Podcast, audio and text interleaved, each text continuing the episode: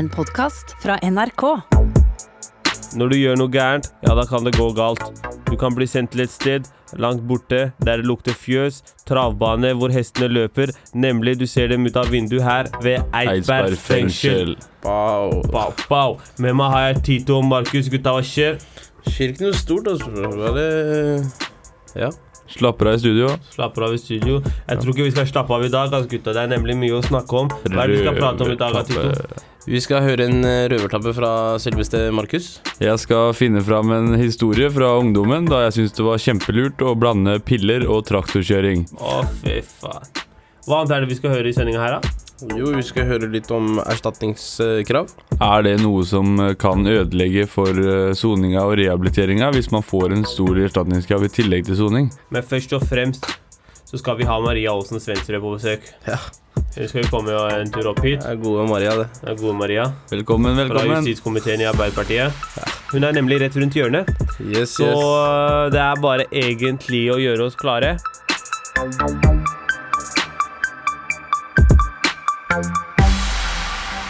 Er dere klare? Klare. Det er nemlig Maria Aasen Svensrud fra justiskomiteen i Arbeiderpartiet.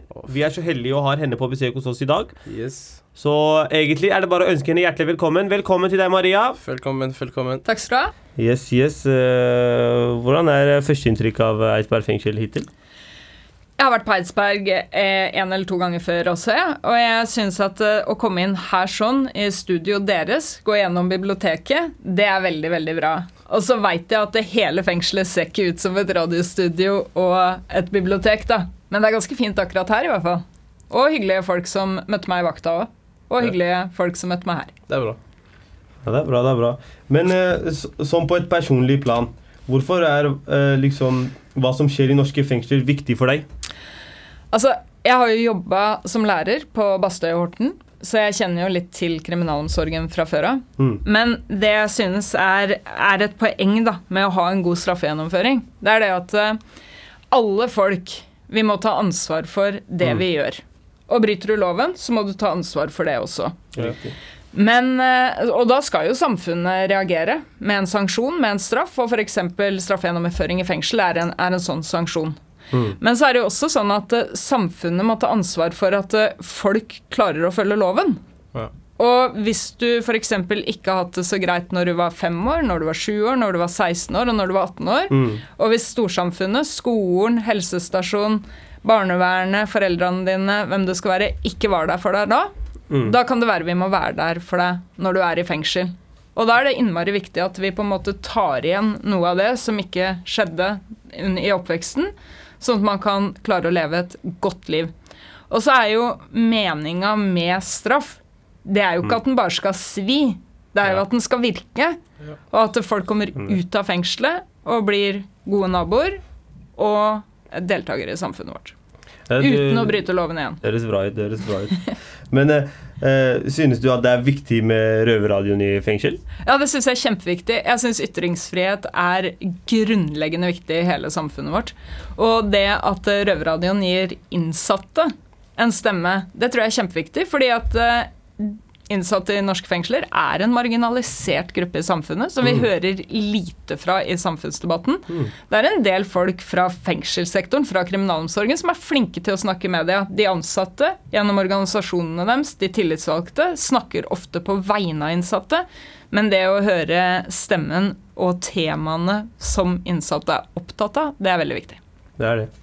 Men eh, hva tenker du om situasjonen i dagens eh, kriminalomsorg? Mm. Jeg er veldig skuffa over at programtilbudene som sinnemestring, livsmestring, rusmestring er blitt vekk i veldig mange fengsler, og blitt mye mindre i andre fengsler. Jeg er veldig, veldig skuffa over at eh, det er så mye isolering i fengslene. Mm. Eh, Jeg synes det er ille at eh, sånn som her på Eidsberg, så er det barn som soner i høysikkerhetsfengsel for voksne mannfolk. Det syns jeg ikke er riktig. Og jeg hører fra de tillitsvalgte og deres organisasjoner at det er for få folk på jobb. Bemanninga er for lav. Det er mye vakante vakter som går utover det tilbudet som skal gis til innsatte. Da tror jeg at vi får dårligere rehabilitering og kanskje større tilbakefall til ny kriminalitet. Hvordan kan dagens kriminalomsorg bli bedre? Nei, nå har jo vi Altså, ikke sant? Nå er det jo snart valg, så da må dere tåle at jeg snakker partiet. da, ikke sant? Men nå, nå har vi akkurat på fredag så leverte vi førsteutkastet til et program for Arbeiderpartiet. Og det er det vi går til valg på. Og da er det sånn at eh, det som står i det programmet, det skal vi prøve å gjennomføre når vi er i regjering. da.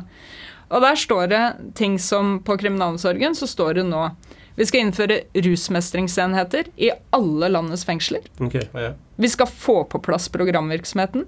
Vi skal øke bemanningen. Vi skal øke driftsmidlene. Eh, vi skal ha slutt på ulovlig isolasjon i fengslene. Og så skal kvinner få et likeverdig soningstilbud som menn. Det er dette noe av det vi sier, og det er ting som jeg tror er innmari viktig. Så dette her er sånne forventninger vi kan ha til dere, da. Ja, nå er det sånn at nå er jo. Programmet vårt på høring i partiorganisasjonen, og på landsmøtet vårt så blir det banka. Det er der vi har det bestemt. Men hvis det jeg nevner nå, står i programmet vårt, også etter at landsmøtet har sett på det, så mener jeg at dere skal ha en klar forventning til at Arbeiderpartiet leverer en sterk og god politikk på kriminalomsorgen. Men uh, vi her i Eidsberg fengsel er jo unge innsatte. Altså, de, er jo, de skal liksom være spesialiserte på unge innsatte. Ikke sant?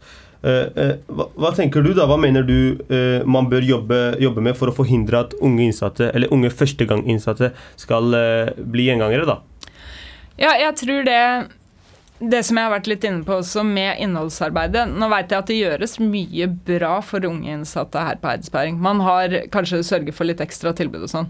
Det å sørge for god aktivitet, sørge for god utdanning, sørge for arbeidstrening, sørge for at man får jobba i de rehabiliterende programmene man sjøl trenger, Mm. Eh, det er veldig, veldig viktig. Og så tror jeg hvis vi snakker om ungdomsenhetene versus voksenenhetene Mm. Skal vi kanskje si at Eidsberg ligger litt sånn midt på treet, dere er jo unge òg. Men eh, så er det noe med det å lage disse overgangene mellom ungdomsenhet og voksenfengsel litt roligere. For i dag så er det jo nesten litt sånn at idet du blir 18, så kommer du rett over i voksenfengsel. Det er litt sånn, ja. Og du kan jo ende opp med å miste mye av det verdifulle du fikk med deg fra ungdomsenheten. At det går litt tapt over i voksenfengsel. Mm. Så det å lage en bedre overgangsordning fra barn til voksen i fengsel, tror jeg er veldig viktig. Men du Maria, jeg satt og så på nyhetene her forleden, og så kom det opp at det, altså, det var en sånn snakk om en sånn fraværsgrense. Altså de hadde, Greit at det er fraværsgrense i videregående skole, men de tenkte å innføre dette her i ungdomsskolen også. Og hva jeg tenker, da, jeg tenker at det her vil bare forebygge mye mer kriminalitet. Hvis en eh, person som uh, mister plassen sin på skole pga. han ikke består pga. fraværsgrensa, fraværsgrensa, så vil han tenke faen, ok, nå er løpet kjørt, Ja. så jeg har ikke noe annet å gjøre. Da vil andre alternativ komme. Ja. Det vil bli lettere å bli, ta imot andre fristelser. da. Ja. Eh, hva, synes, hva tenker du om det? At det blir fraværsgrense på ungdomsskole? Nei, jeg syns at uh, på ungdomsskolen så er det veldig mye annet vi skal gjøre for å sørge for at uh, ungdommen er på skolen. Mm. Og så kommer man opp på videregående, og så har det vært en større debatt. Man må ta ansvar for det. Altså, det er jo sånn at de, Når du kommer i arbeid, så kan du jo ikke bare velge å ikke gå på jobb. Du må jo gå på jobben din, hvis ikke så får du sparken, ikke sant? Yeah. Så etter hvert så må folk få mer ansvar i skolen òg. Men ungdomsskoleelevene, da tror jeg at har man problemer med at en ungdom er mye vekk fra skolen, så må man prøve å skjønne hvorfor er den ungdommen mye vekk fra skolen. Prøv å få han til å, Mm. til å komme tilbake. Nei, det er jo Jeg tenker det er, det er jo en stor ting. Man må jo passe på, passe på at de unge ikke havner i fengsel. Og det er sånne ting som det som kan forebygge at de havner i fengsel, faktisk. Mm. Jeg kjenner på det sjøl. Jeg, jeg, jeg droppa ut av skolen sjøl. Mm. Og eh, da falt jo andre alternativ Ja. for meg, og fristelser kom, ikke sant. Da dropper folk lettere ut hvis man får det presset på seg. Ja. Mm. ja, Det er et veldig bra innspill, syns jeg, i denne debatten. Vi takker for besøket, justispolitiker fra Arbeiderpartiet, Maria Aasen Svendsrud. Ja, da har jo nemlig Maria Aasen Svensrud eh, forlatt oss her. Hun rett og slett bare bounsa ut i friheten. Og eh, nå er det en annen eh, som skal få lov til å skinne. Og det er nemlig eh, Markus her, ved vår side. Eh, Tito, Yes, yes. det er ikke alltid det går som det skal gå.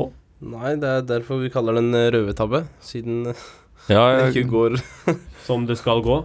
Så egentlig, Markus, du skal bare egentlig få lov til å uh, hoppe rett på sak og fortelle oss om den uh, røverhistorien. jeg var uh, 14-15 år, og meg og en kompis hadde fiksa en bil var ute og kjørte på skogveier mellom Ja, på Eda-grensa, da. Mm. Og så plutselig så gikk vi tom for bensin, Mm. Det var eh, Det var en tid vi utforska mye med piller og rusmidler og shit. Altså, vi var ganske på trynet begge to. Riktig. Eh, endte opp med at bilen stoppa ved siden av en gård, Mm. og vi lurte på hva gjør vi nå. Nei, Så vi bestemte oss for at uh, ok, vi går på den gården her og ser om vi finner noe bensin så vi kommer oss videre. Men vi fant aldri noe bensin. Ok, Vi fant en traktor. såpass, ja. Ja. Så da tenkte vi da i det lure øyeblikket at uh, vi stjeler den traktoren her, og så tauer vi bilen. Ok, Så vi stjal en traktor med et brøyteskjær på, mm, såpass. og prøvde å komme oss ut fra den gården her. Og jeg skulle ha av dette brøyteskjæret, da, for at jeg skulle prøve å taue bilen, ikke sant. Mm. Så det ender opp med at jeg greier å slippe fri vet brøyteskjæret på traktoren. Så trakt brøyteskjæret går i bakken og begynner å brøyte i stykker hele gårdsplassen hans og asfalten på vei opp på veien. Såpass, ja. Og vi huker på bilen bak denne traktoren Mm. og begynner å taue den tilbake til der vi kom fra, da. Eller Mm. samme byen, liksom. Bare på Magnor, på Eidskogen. Riktig. Og vi fikk taua traktoren bort til Nei, taua den gamle Volvoen bort til eh, Bort til eh, fotballbanene der. Ja. Så stelte vi den ifra vårt, men vi var liksom ikke helt ferdig med ferden, da. Ja. Så vi tok traktoren videre Mm. og reiste til grensesjappa på Eda. Riktig. Og kjørte traktorskuffa gjennom vinduet, hoppa inn og stjal alt vi kunne. Altså Det var bare sånn piss vi stjal. Vi stjal sigaretter og brus og sånn, det vi fant, liksom, og heiv i skuffa. da Ja. Men jeg hadde skåret meg opp i, på vinduet vi hoppa gjennom vinduet, ikke sant? For Mm. vinduet var knust. Så jeg blødde jo fra panna og fra henda og alt det der igjen her, og hoppa inn i denne traktoren igjen Såpass. og fortsatte å kjøre. Det var blod overalt. Jeg hadde knytta en sånn bandana over huet. Vi så helt tullinger ut og tenkte at ok, vi må få gjemt denne traktoren. Mm. Og det endte opp med at vi kjørte inn på noen skogveier. Ja. Vi var ganske nærme der vi hadde parkert bilen ved fotballbanene. Vi bare visste ikke helt hvor langt unna vi var, for vi var langt inne i skogen. ikke sant? Det var mørkt. Mm. Og brøyter igjennom en sånn derre sjappe Eller sånn der gammel brakke. Mm. Og brøyter ned trær og det som var. Og når vi var langt nok inni der, så tenkte vi at ja ja, vi steller den her. Det er sikkert ingen som vil finne med det første, ikke sant? Mm.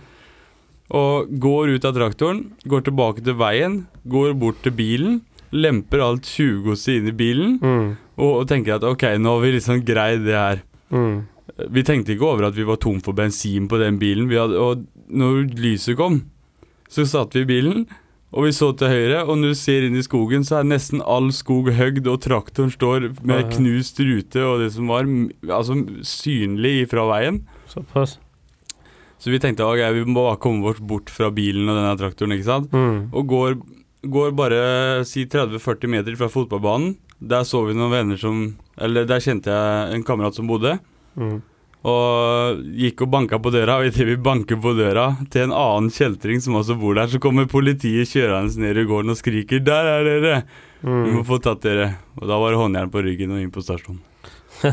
Det var litt av en rush hour-film. Altså. Jeg kom ikke så langt, da, men vi prøvde så hardt vi kunne.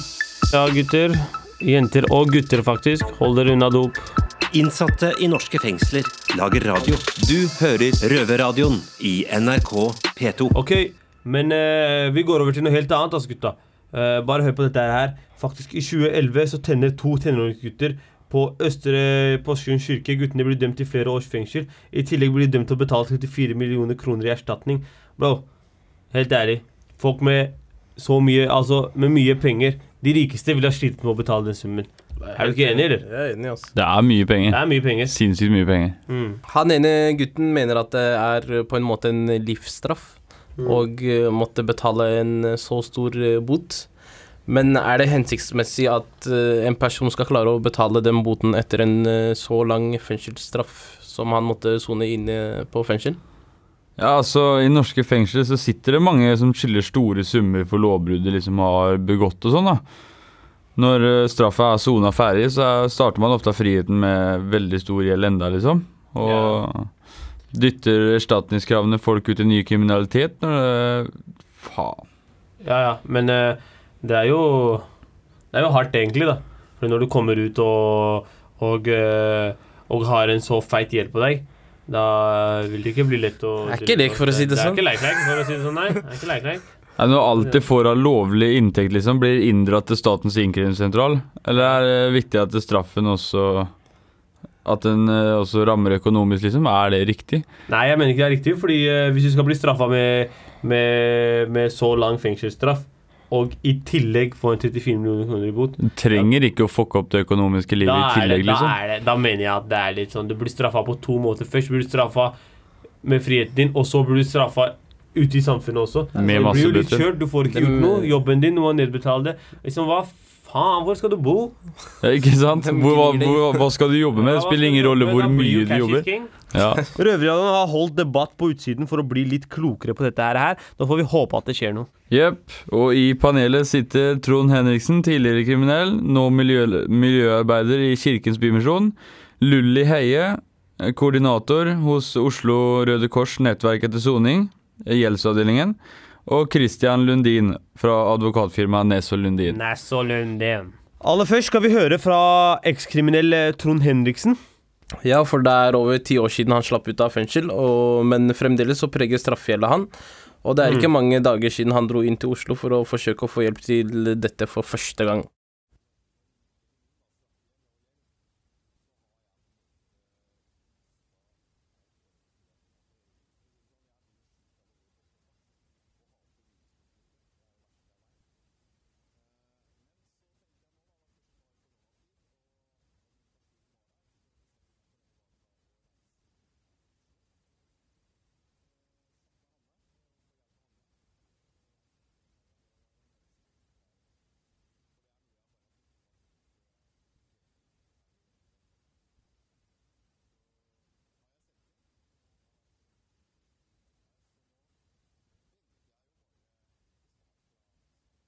Her er det kanskje mange tidligere kriminelle som uh, faktisk hører på, og som kan uh, kjenne seg igjen.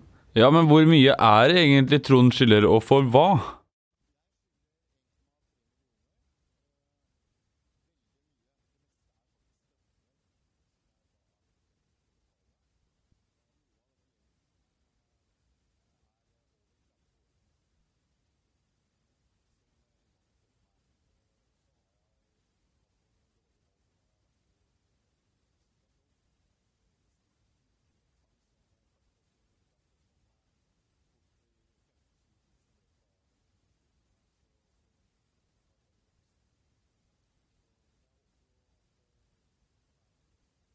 Hvorfor idømmes man egentlig straffegjeld? Bistandsadvokat Christian Lundin har jo lang erfaring med å arbeide saker som omhandler dette her.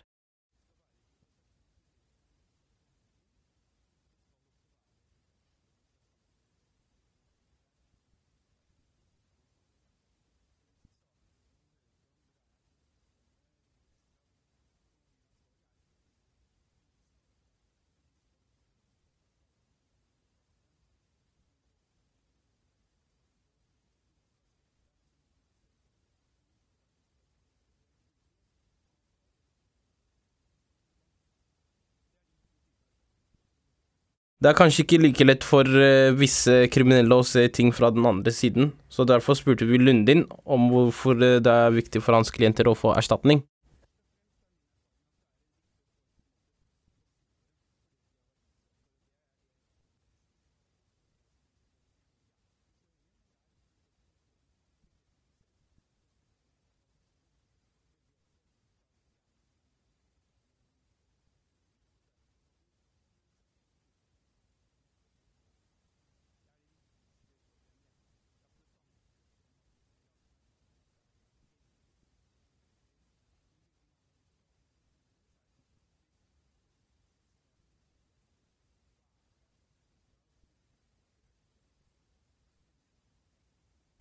Hun der Lulli Heie er jo koordinator Røde Kors-nettverket til soning, eh, gjeldsavdelinga. Jobber jo daglig med tidligere innsatte som har mye gjeld. Selv om det er vanskelig å si noe spesifikt om disse, har de alle sammen jo én ting til felles.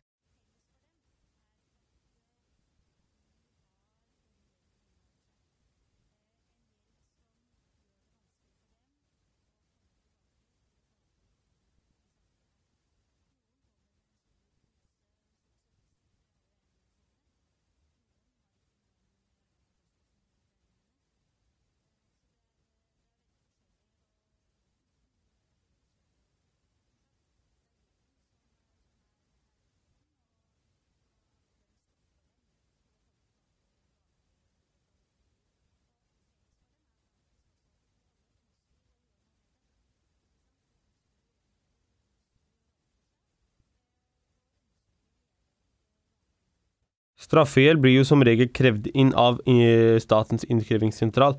Jeg har at, eh, jeg har jo hørt av andre kriminelle faktisk at, eh, at de er jo egentlig verre enn torpedoer. Ja, og Lulli Heia er vant til å jobbe med de, men hun er ikke spesielt eh, fornøyd med dem heller, altså.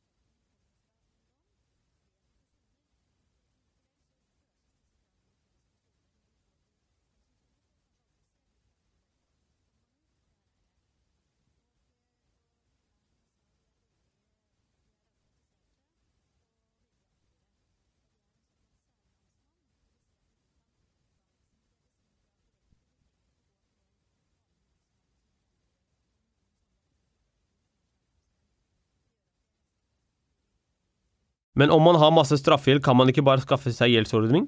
Altså, gjeldsordning er jo en sånn plan som går mest eh, ofte, oftest løpende i løpet av fem år. da. Så da skal man liksom betale en sum i måneden, og så er man gjeldsfri etter fem år.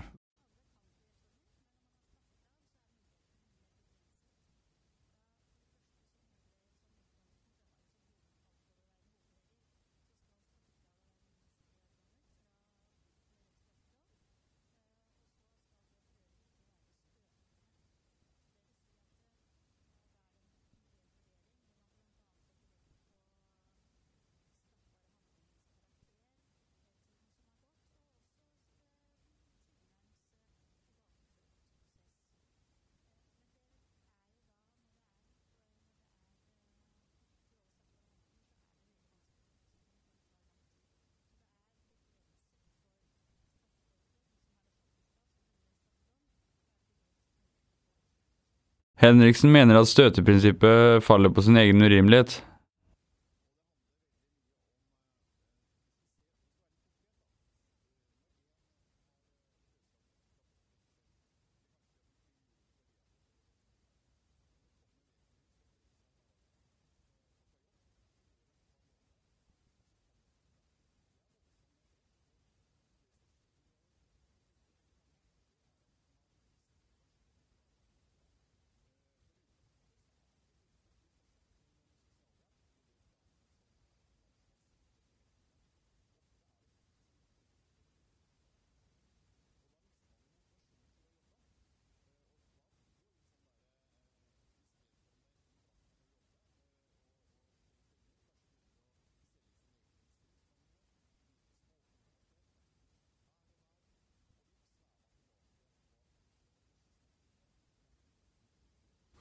Men eh, er egentlig denne straffegjelden så ugunstig eh, for samfunnet som Henriksen eh, skal ha det til, eller?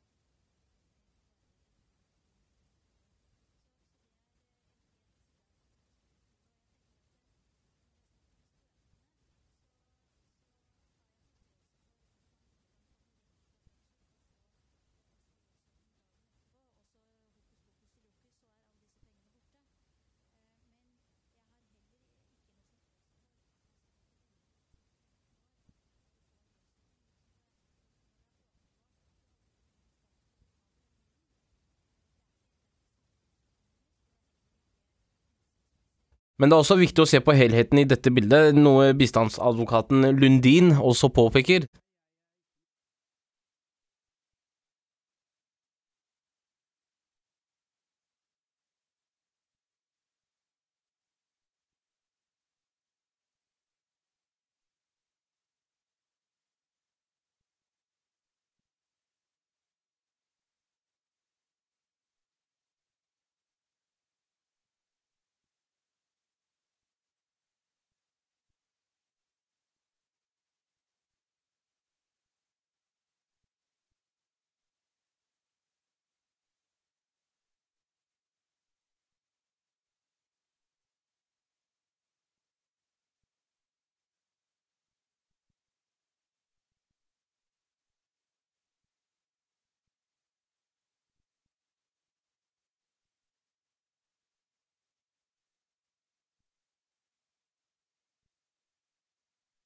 Så hva er egentlig løsningen? Henriksen har flere forslag til løsninger.